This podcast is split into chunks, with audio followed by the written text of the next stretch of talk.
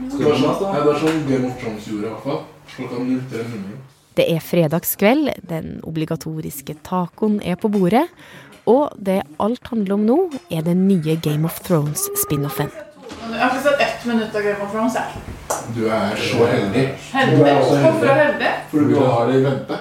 Det høres egentlig ut som hvilken som helst tacofredag, men den her foregår på en institusjon. En av de mange private barnevernsinstitusjonene som regjeringa nå vil kvitte seg med. Men Nå vet jeg liksom hvem som vant til slutt, holdt jeg på å si. Men vent. En barnevernsinstitusjon for barn og unge som akutt har blitt dratt bort fra sin vanlige hverdag. En institusjon der nesten ingen utenforstående slipper inn. Men nå har kollega Anne Marte Moland vært der. Vi vet jo lite om hvordan barna har det på private institusjoner. Eh, private og kommersielle som da har fått nærmest monopol i et marked på, de, eh, på noen av de mest sårbare barna. Eh, derfor så hadde vi lyst til å komme på innsiden for å se hvordan de ansatte jobber, eh, hvordan barna har det. Hvordan er egentlig livet på en institusjon? Du hører på Forklart, og er Marit Eriksdatter Gjelland. I dag er det mandag 17. oktober.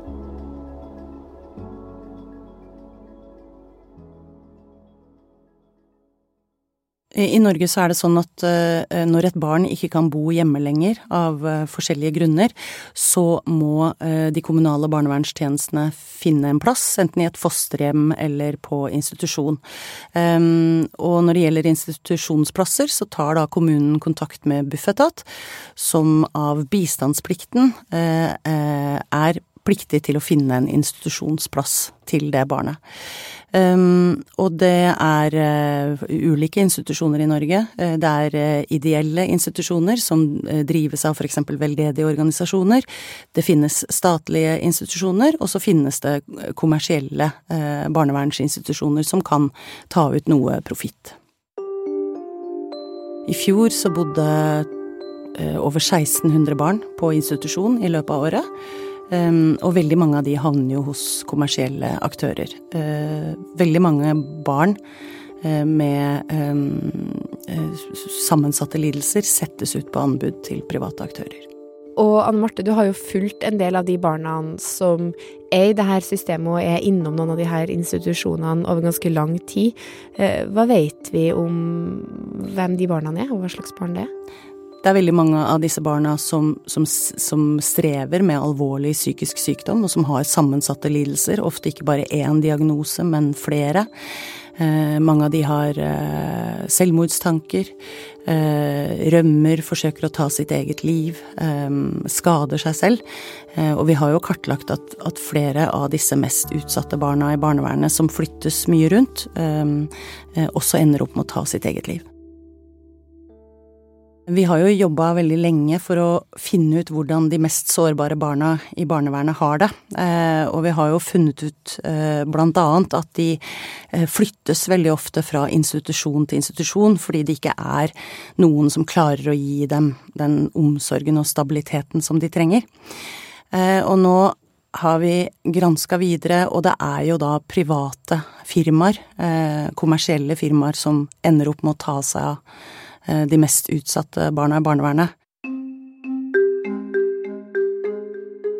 Derfor så eh, begynte jeg allerede i, i juni å, å, jobbe for å prøve å komme inn hos landets største kommersielle aktør, da, Stendi, som er liksom den som selger flest institusjonsplasser til syke barn og barn i akutt krise. Og nå i høst fikk hun altså komme på innsida ett døgn. Og en av betingelsene var at barna skulle anonymiseres. Så derfor hører du ikke stemmene til noen av barna i denne episoden, kun voksne som jobba der. Og Anne Marte, da. For hun satte seg i bilen og kjørte sørover. Skog og jorder og smale veier. Dette er jo langt utpå landet. Eh, fredelig sted, egentlig. Eh, tilsynelatende. Ser ut som to helt vanlige eneboliger på hver sin side av en smal vei. Går du av vakt? Ja. ja. Nå. Vel hjem, nå. Og så når vi kommer inn på institusjonen, så møter jeg jo litt sånn Det første jeg møter, er jo øh, litt sånn morgentrøtt ungdom. Eh, den ene hadde døgna og var helt i ørska, og den andre var tidlig oppe og klar for dagen. Eh, men det går jo veldig fort over i utagering og veldig sånn vanskelige, sterke følelser. Det er en ung jente der som har i løpet av de siste ukene mista alt av eh, familie, venner, nærmiljø. Eh, og det eneste hun på en måte har igjen som er kjent i livet sitt, er da kjæresten, som hun har lyst til å treffe. Eh, og det får hun ikke et tydelig svar på der og da fra de ansatte om hun kan få lov til. Det er en komplisert vurdering for barnevernet, og det er flere hensyn som de må ta uh, før de kan gi henne noe skikkelig svar. Og da uh, blir hun veldig, veldig sint, og etter det veldig, veldig lei seg. Hun gråter, hun roper, velter stoler, stormer ut. Står på gårdsplassen og sparker i dører, og blir rett og slett borte. Sånn at den ansatte står liksom i vinduet og titter ut og lurer på hvor ble hun av nå? Og det er ikke bare tenåringsjenta som ikke ønsker å være her akkurat nå. Det offentlige som har plassert hun her, og som betaler plassen hennes, vil egentlig heller ikke at hun skal være på en privat institusjon som det her.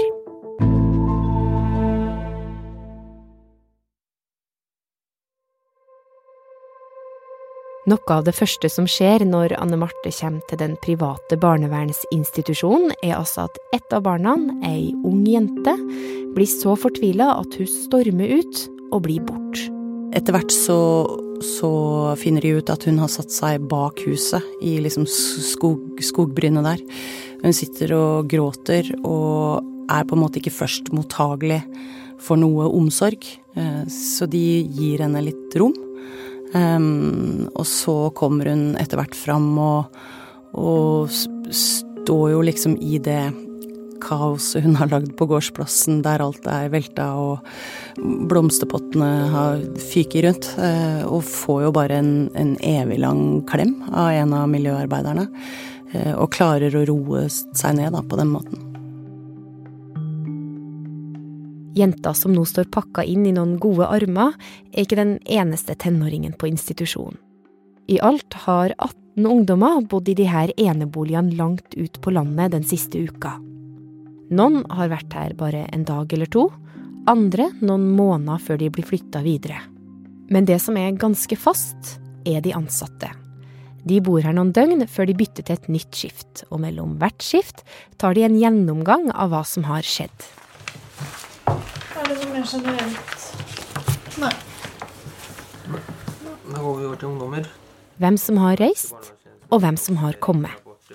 Hvis du gjør et eh, postdok-registrering om hvordan han ter seg i møtet At han Sist gang vet ikke om han gråt, og at han tok imot han, Om han deltar aktivt eller ikke. Hva trenger hun fra oss? Og det hun sier, at hun trenger en klem. Ja. At da har jeg sagt at neste gang hun får det så vanskelig, så kommer vi, og så gir hun en ordentlig god klem. Den store gressklipperen som vi bruker her, den reimen under var ødelagt. Så vi leverte den på service. Det er jo på en måte et uh, hjem som uh, allikevel ikke er et hjem. Det er et hjem med helt vanlige uh, greier som skjer. Vi var der på en fredag, uh, det skal handles inn til helga, vi reiser i butikken med lange handlelister, alle må hjelpe til.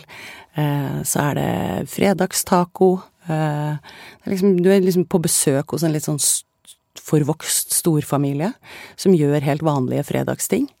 Men samtidig så er det noe som skurrer. Eh, det er ikke et vanlig hjem likevel. Det er eh, merker etter slag og spark på en del av veggene. Alle blomster er eh, plastikkblomster, kanskje fordi de kastes rundt. Det skjer noe der hver dag. Alle de ansatte går med nøkkelknipper rundt halsen. Man låser seg inn og ut av ulike rom. Det er hengelåser på diverse skap, videre. Og private barnevernsinstitusjoner som den du nå har vært på, da, Anne Marte, det er det jo en del av i Norge. I alt så er det faktisk 80 ideelle og kommersielle som selger institusjonsplasser for barn til staten.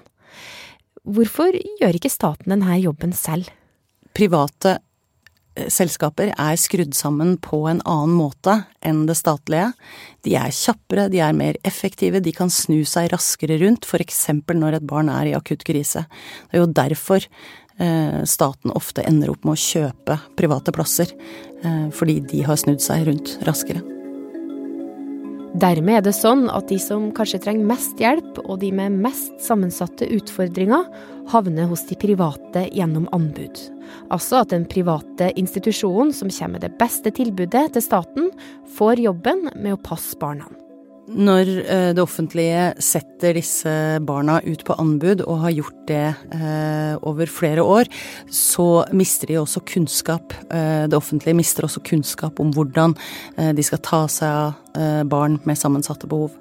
I tillegg så er jo dette veldig dyrt. Eh, vi har kartlagt eh, pengebruken på kjøp av private institusjonsplasser de siste seks årene, eh, som altså er en regning på 14 milliarder kroner ut av statskassa.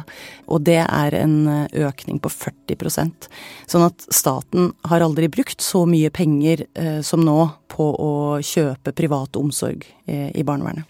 Og hvor havner de pengene i det private barnevernet? Private barnevernsselskaper kan ta ut eh, profitt. Eh, den ligger på sånn mellom 2 og 5% så det er ikke sånn ville mengder profitt, men de kan tross alt tjene penger på dette. Ethvert privat selskap ønsker jo å tjene penger. Eh, veldig mange av disse barnevernsselskapene har svenske eiere, som pengene da går tilbake til. Og det her har altså den nåværende regjeringa tenkt å endre helt på. For da Senterpartiet og Arbeiderpartiet gikk inn i regjering for ett år siden med Hurdalsplattformen i hånda, så var en av de tingene som sto der, at de ønska å fase ut kommersielle aktører og slutt med anbudsrunder i barnevernet. Intensjonen i eh, Hurdalsplattformen eh, er jo helt tydelig. De kommersielle aktørene, eller barnevernsselskapene, skal ut av dette markedet. Staten vil selv ta hånd om eh, barna med de største behovene, fordi de mener at det vil gi disse barna en bedre tverrfaglig hjelp. Eh, men hvordan skal de få til det når pengebruken aldri har vært så stor som den er nå, eh, når de har gjort seg helt avhengig av de kommersielle selskapene. Vi har fått innsyn i brev der Barnedepartementet ber eh, fagfolk om å regne ut hva en utfasing, da, som det kalles, av kommersielle aktører skal koste. Eh, der fagfolk har svart tilbake at å få til dette innen 2025, som dere har satt dere fore, det er helt urealistisk. Det kommer vi ikke til å få til. Og barna mitt oppi det her, da? Ja, de private aktørene mener jo at uh, det å fase ut kommersielle uh, slettes ikke er til barnas beste. Uh, fordi de etter hvert har fått så god kunnskap om hvordan de skal ta seg og, og håndtere barn med sammensatte behov. Mens staten da mener det motsatte. Dette mener det offentlige at dette er noe Her har det vært en skeiv utvikling. Nå må vi snu og ta tilbake omsorgen for disse ungene. Så det er litt oppi det blå, egentlig, hva som kommer til å skje da med eh, omsorgen for de aller sykeste barna og de som er egentlig de største krisa da, vi har i samfunnet. Mm. Og Barne- og familiedepartementet er jo ikke fornøyd med det svaret de har fått av sine egne fagfolk, eh, og kommer nå til å be om en ny utregning. Så de står jo på sitt. Alt det her er likevel ganske fjernt for de barna på barnevernsinstitusjonen Anne Marte var på. Der har det nå blitt kveld. Og på kvelden så er det jo nok en gang et hjem som ikke er et hjem. Det skjer helt sånn vanlige fredagsting. Eh, det er noen som ser på TV, noen som spiller et spill. Det kommer snop og chips på bordet, brusen kommer fram. Eh, det er egentlig eh, ganske hyggelig. Og hun jenta da som storma ut tidligere på dagen, hvordan går det med hun nå på kvelden? På kvelden så eh, ligger hun i senga si på rommet og har en evig lang FaceTime-samtale med kjæresten, da, som hun ikke fikk treffe den dagen. Da har jo ting roa seg, og hun har jo da fått løfter om at eh, hun kan få treffe kjæresten under oppsyn da, eh, en time et par dager seinere. Når det nærmer seg midnatt, så er det rett og slett sengetid. Ehm, da er det utdeling av medisiner. Ehm, sovemedisiner, beroligende, eh, angstdempende uansett hva slags type medisiner barna går på. Eh, som da eh, de ansatte deler ut og overvåker at barna tar på den måten de skal ta.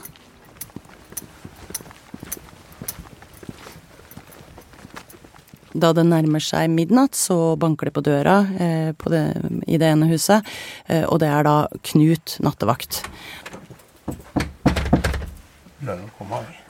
Og Knut nattevakt han har jobba der i flere år eh, på natta, og sitter rett og slett våken og passer på når alle andre sover, både de ansatte og barna skal gå og legge seg.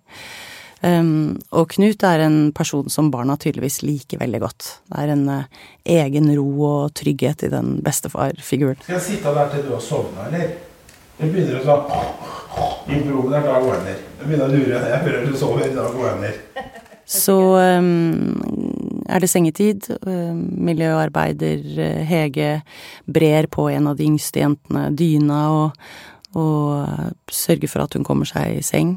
Um, God natta, vennen min, sier hun når hun går ut uh, av rommet og setter uh, døra på gløtt. Skal jeg slå av? Ja. Men vil du ha natten, døra på gløtt hele natta? Du slår lyset her, ja. Det er. Ja, det var ja. Det var Uh, og så setter da Knut seg i en lenestol utafor disse soverommene. Og så skrus lyset av, og så sier Knut 'jeg er her, jeg'.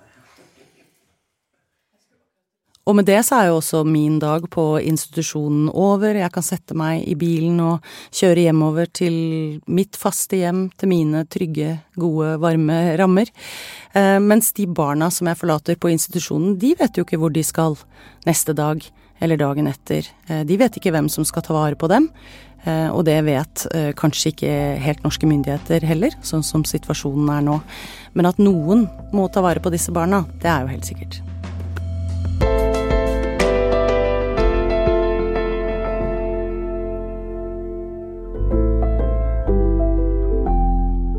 Det er Anne Marte Moland som har tatt opp lyd og vært på innsida av en av de private barnevernsinstitusjonene her i landet, sammen med fotograf Monica Strømdal. Og saken den er altså en del av et lengre arbeid om barnevernsbarn, som du kan lese på aftenposten.no ved å søke opp Barna Norge svikter. Episoden er laga av David Vekoni og meg, Marit Eriksdatter Gjelland. Resten av Forklart er Synne Søhol, Anne Lindholm, Fride Næss Nonstad, Jenny Føland og Anders Sveberg. Det var ingen andre på stranda. Og det var begynt å bli litt seint, så det var litt, begynt å bli litt mørkt. Og jeg hadde bare veldig lyst på en bad. jeg husker jeg var ute i vannet der aleine, og jeg bare Jeg hadde en sånn veldig barnslig glede av å liksom bare hver gang de bølgene kom inn, så bare kasta jeg meg ut i de bølgene. Og bare slappa av helt fullstendig og se hvor liksom, bølgen tok meg. Men det Christian Ofstad Lindberg ikke veit, er at han ikke er aleine i vannet. For i bølgene like ved så flyter det noe som ser ut som en blå og lilla badeball med lange, giftige tentakler. I siste episode av podkasten Fortalt fra Aftenposten så kan du høre Christian fortelle om hva som skjedde under det kveldsbadet i India. For hva gjør du når du er pianist og får beskjeden om at du kanskje må amputere armene? Hør Fortalt hos Podmy eller i Aftenposten-appen.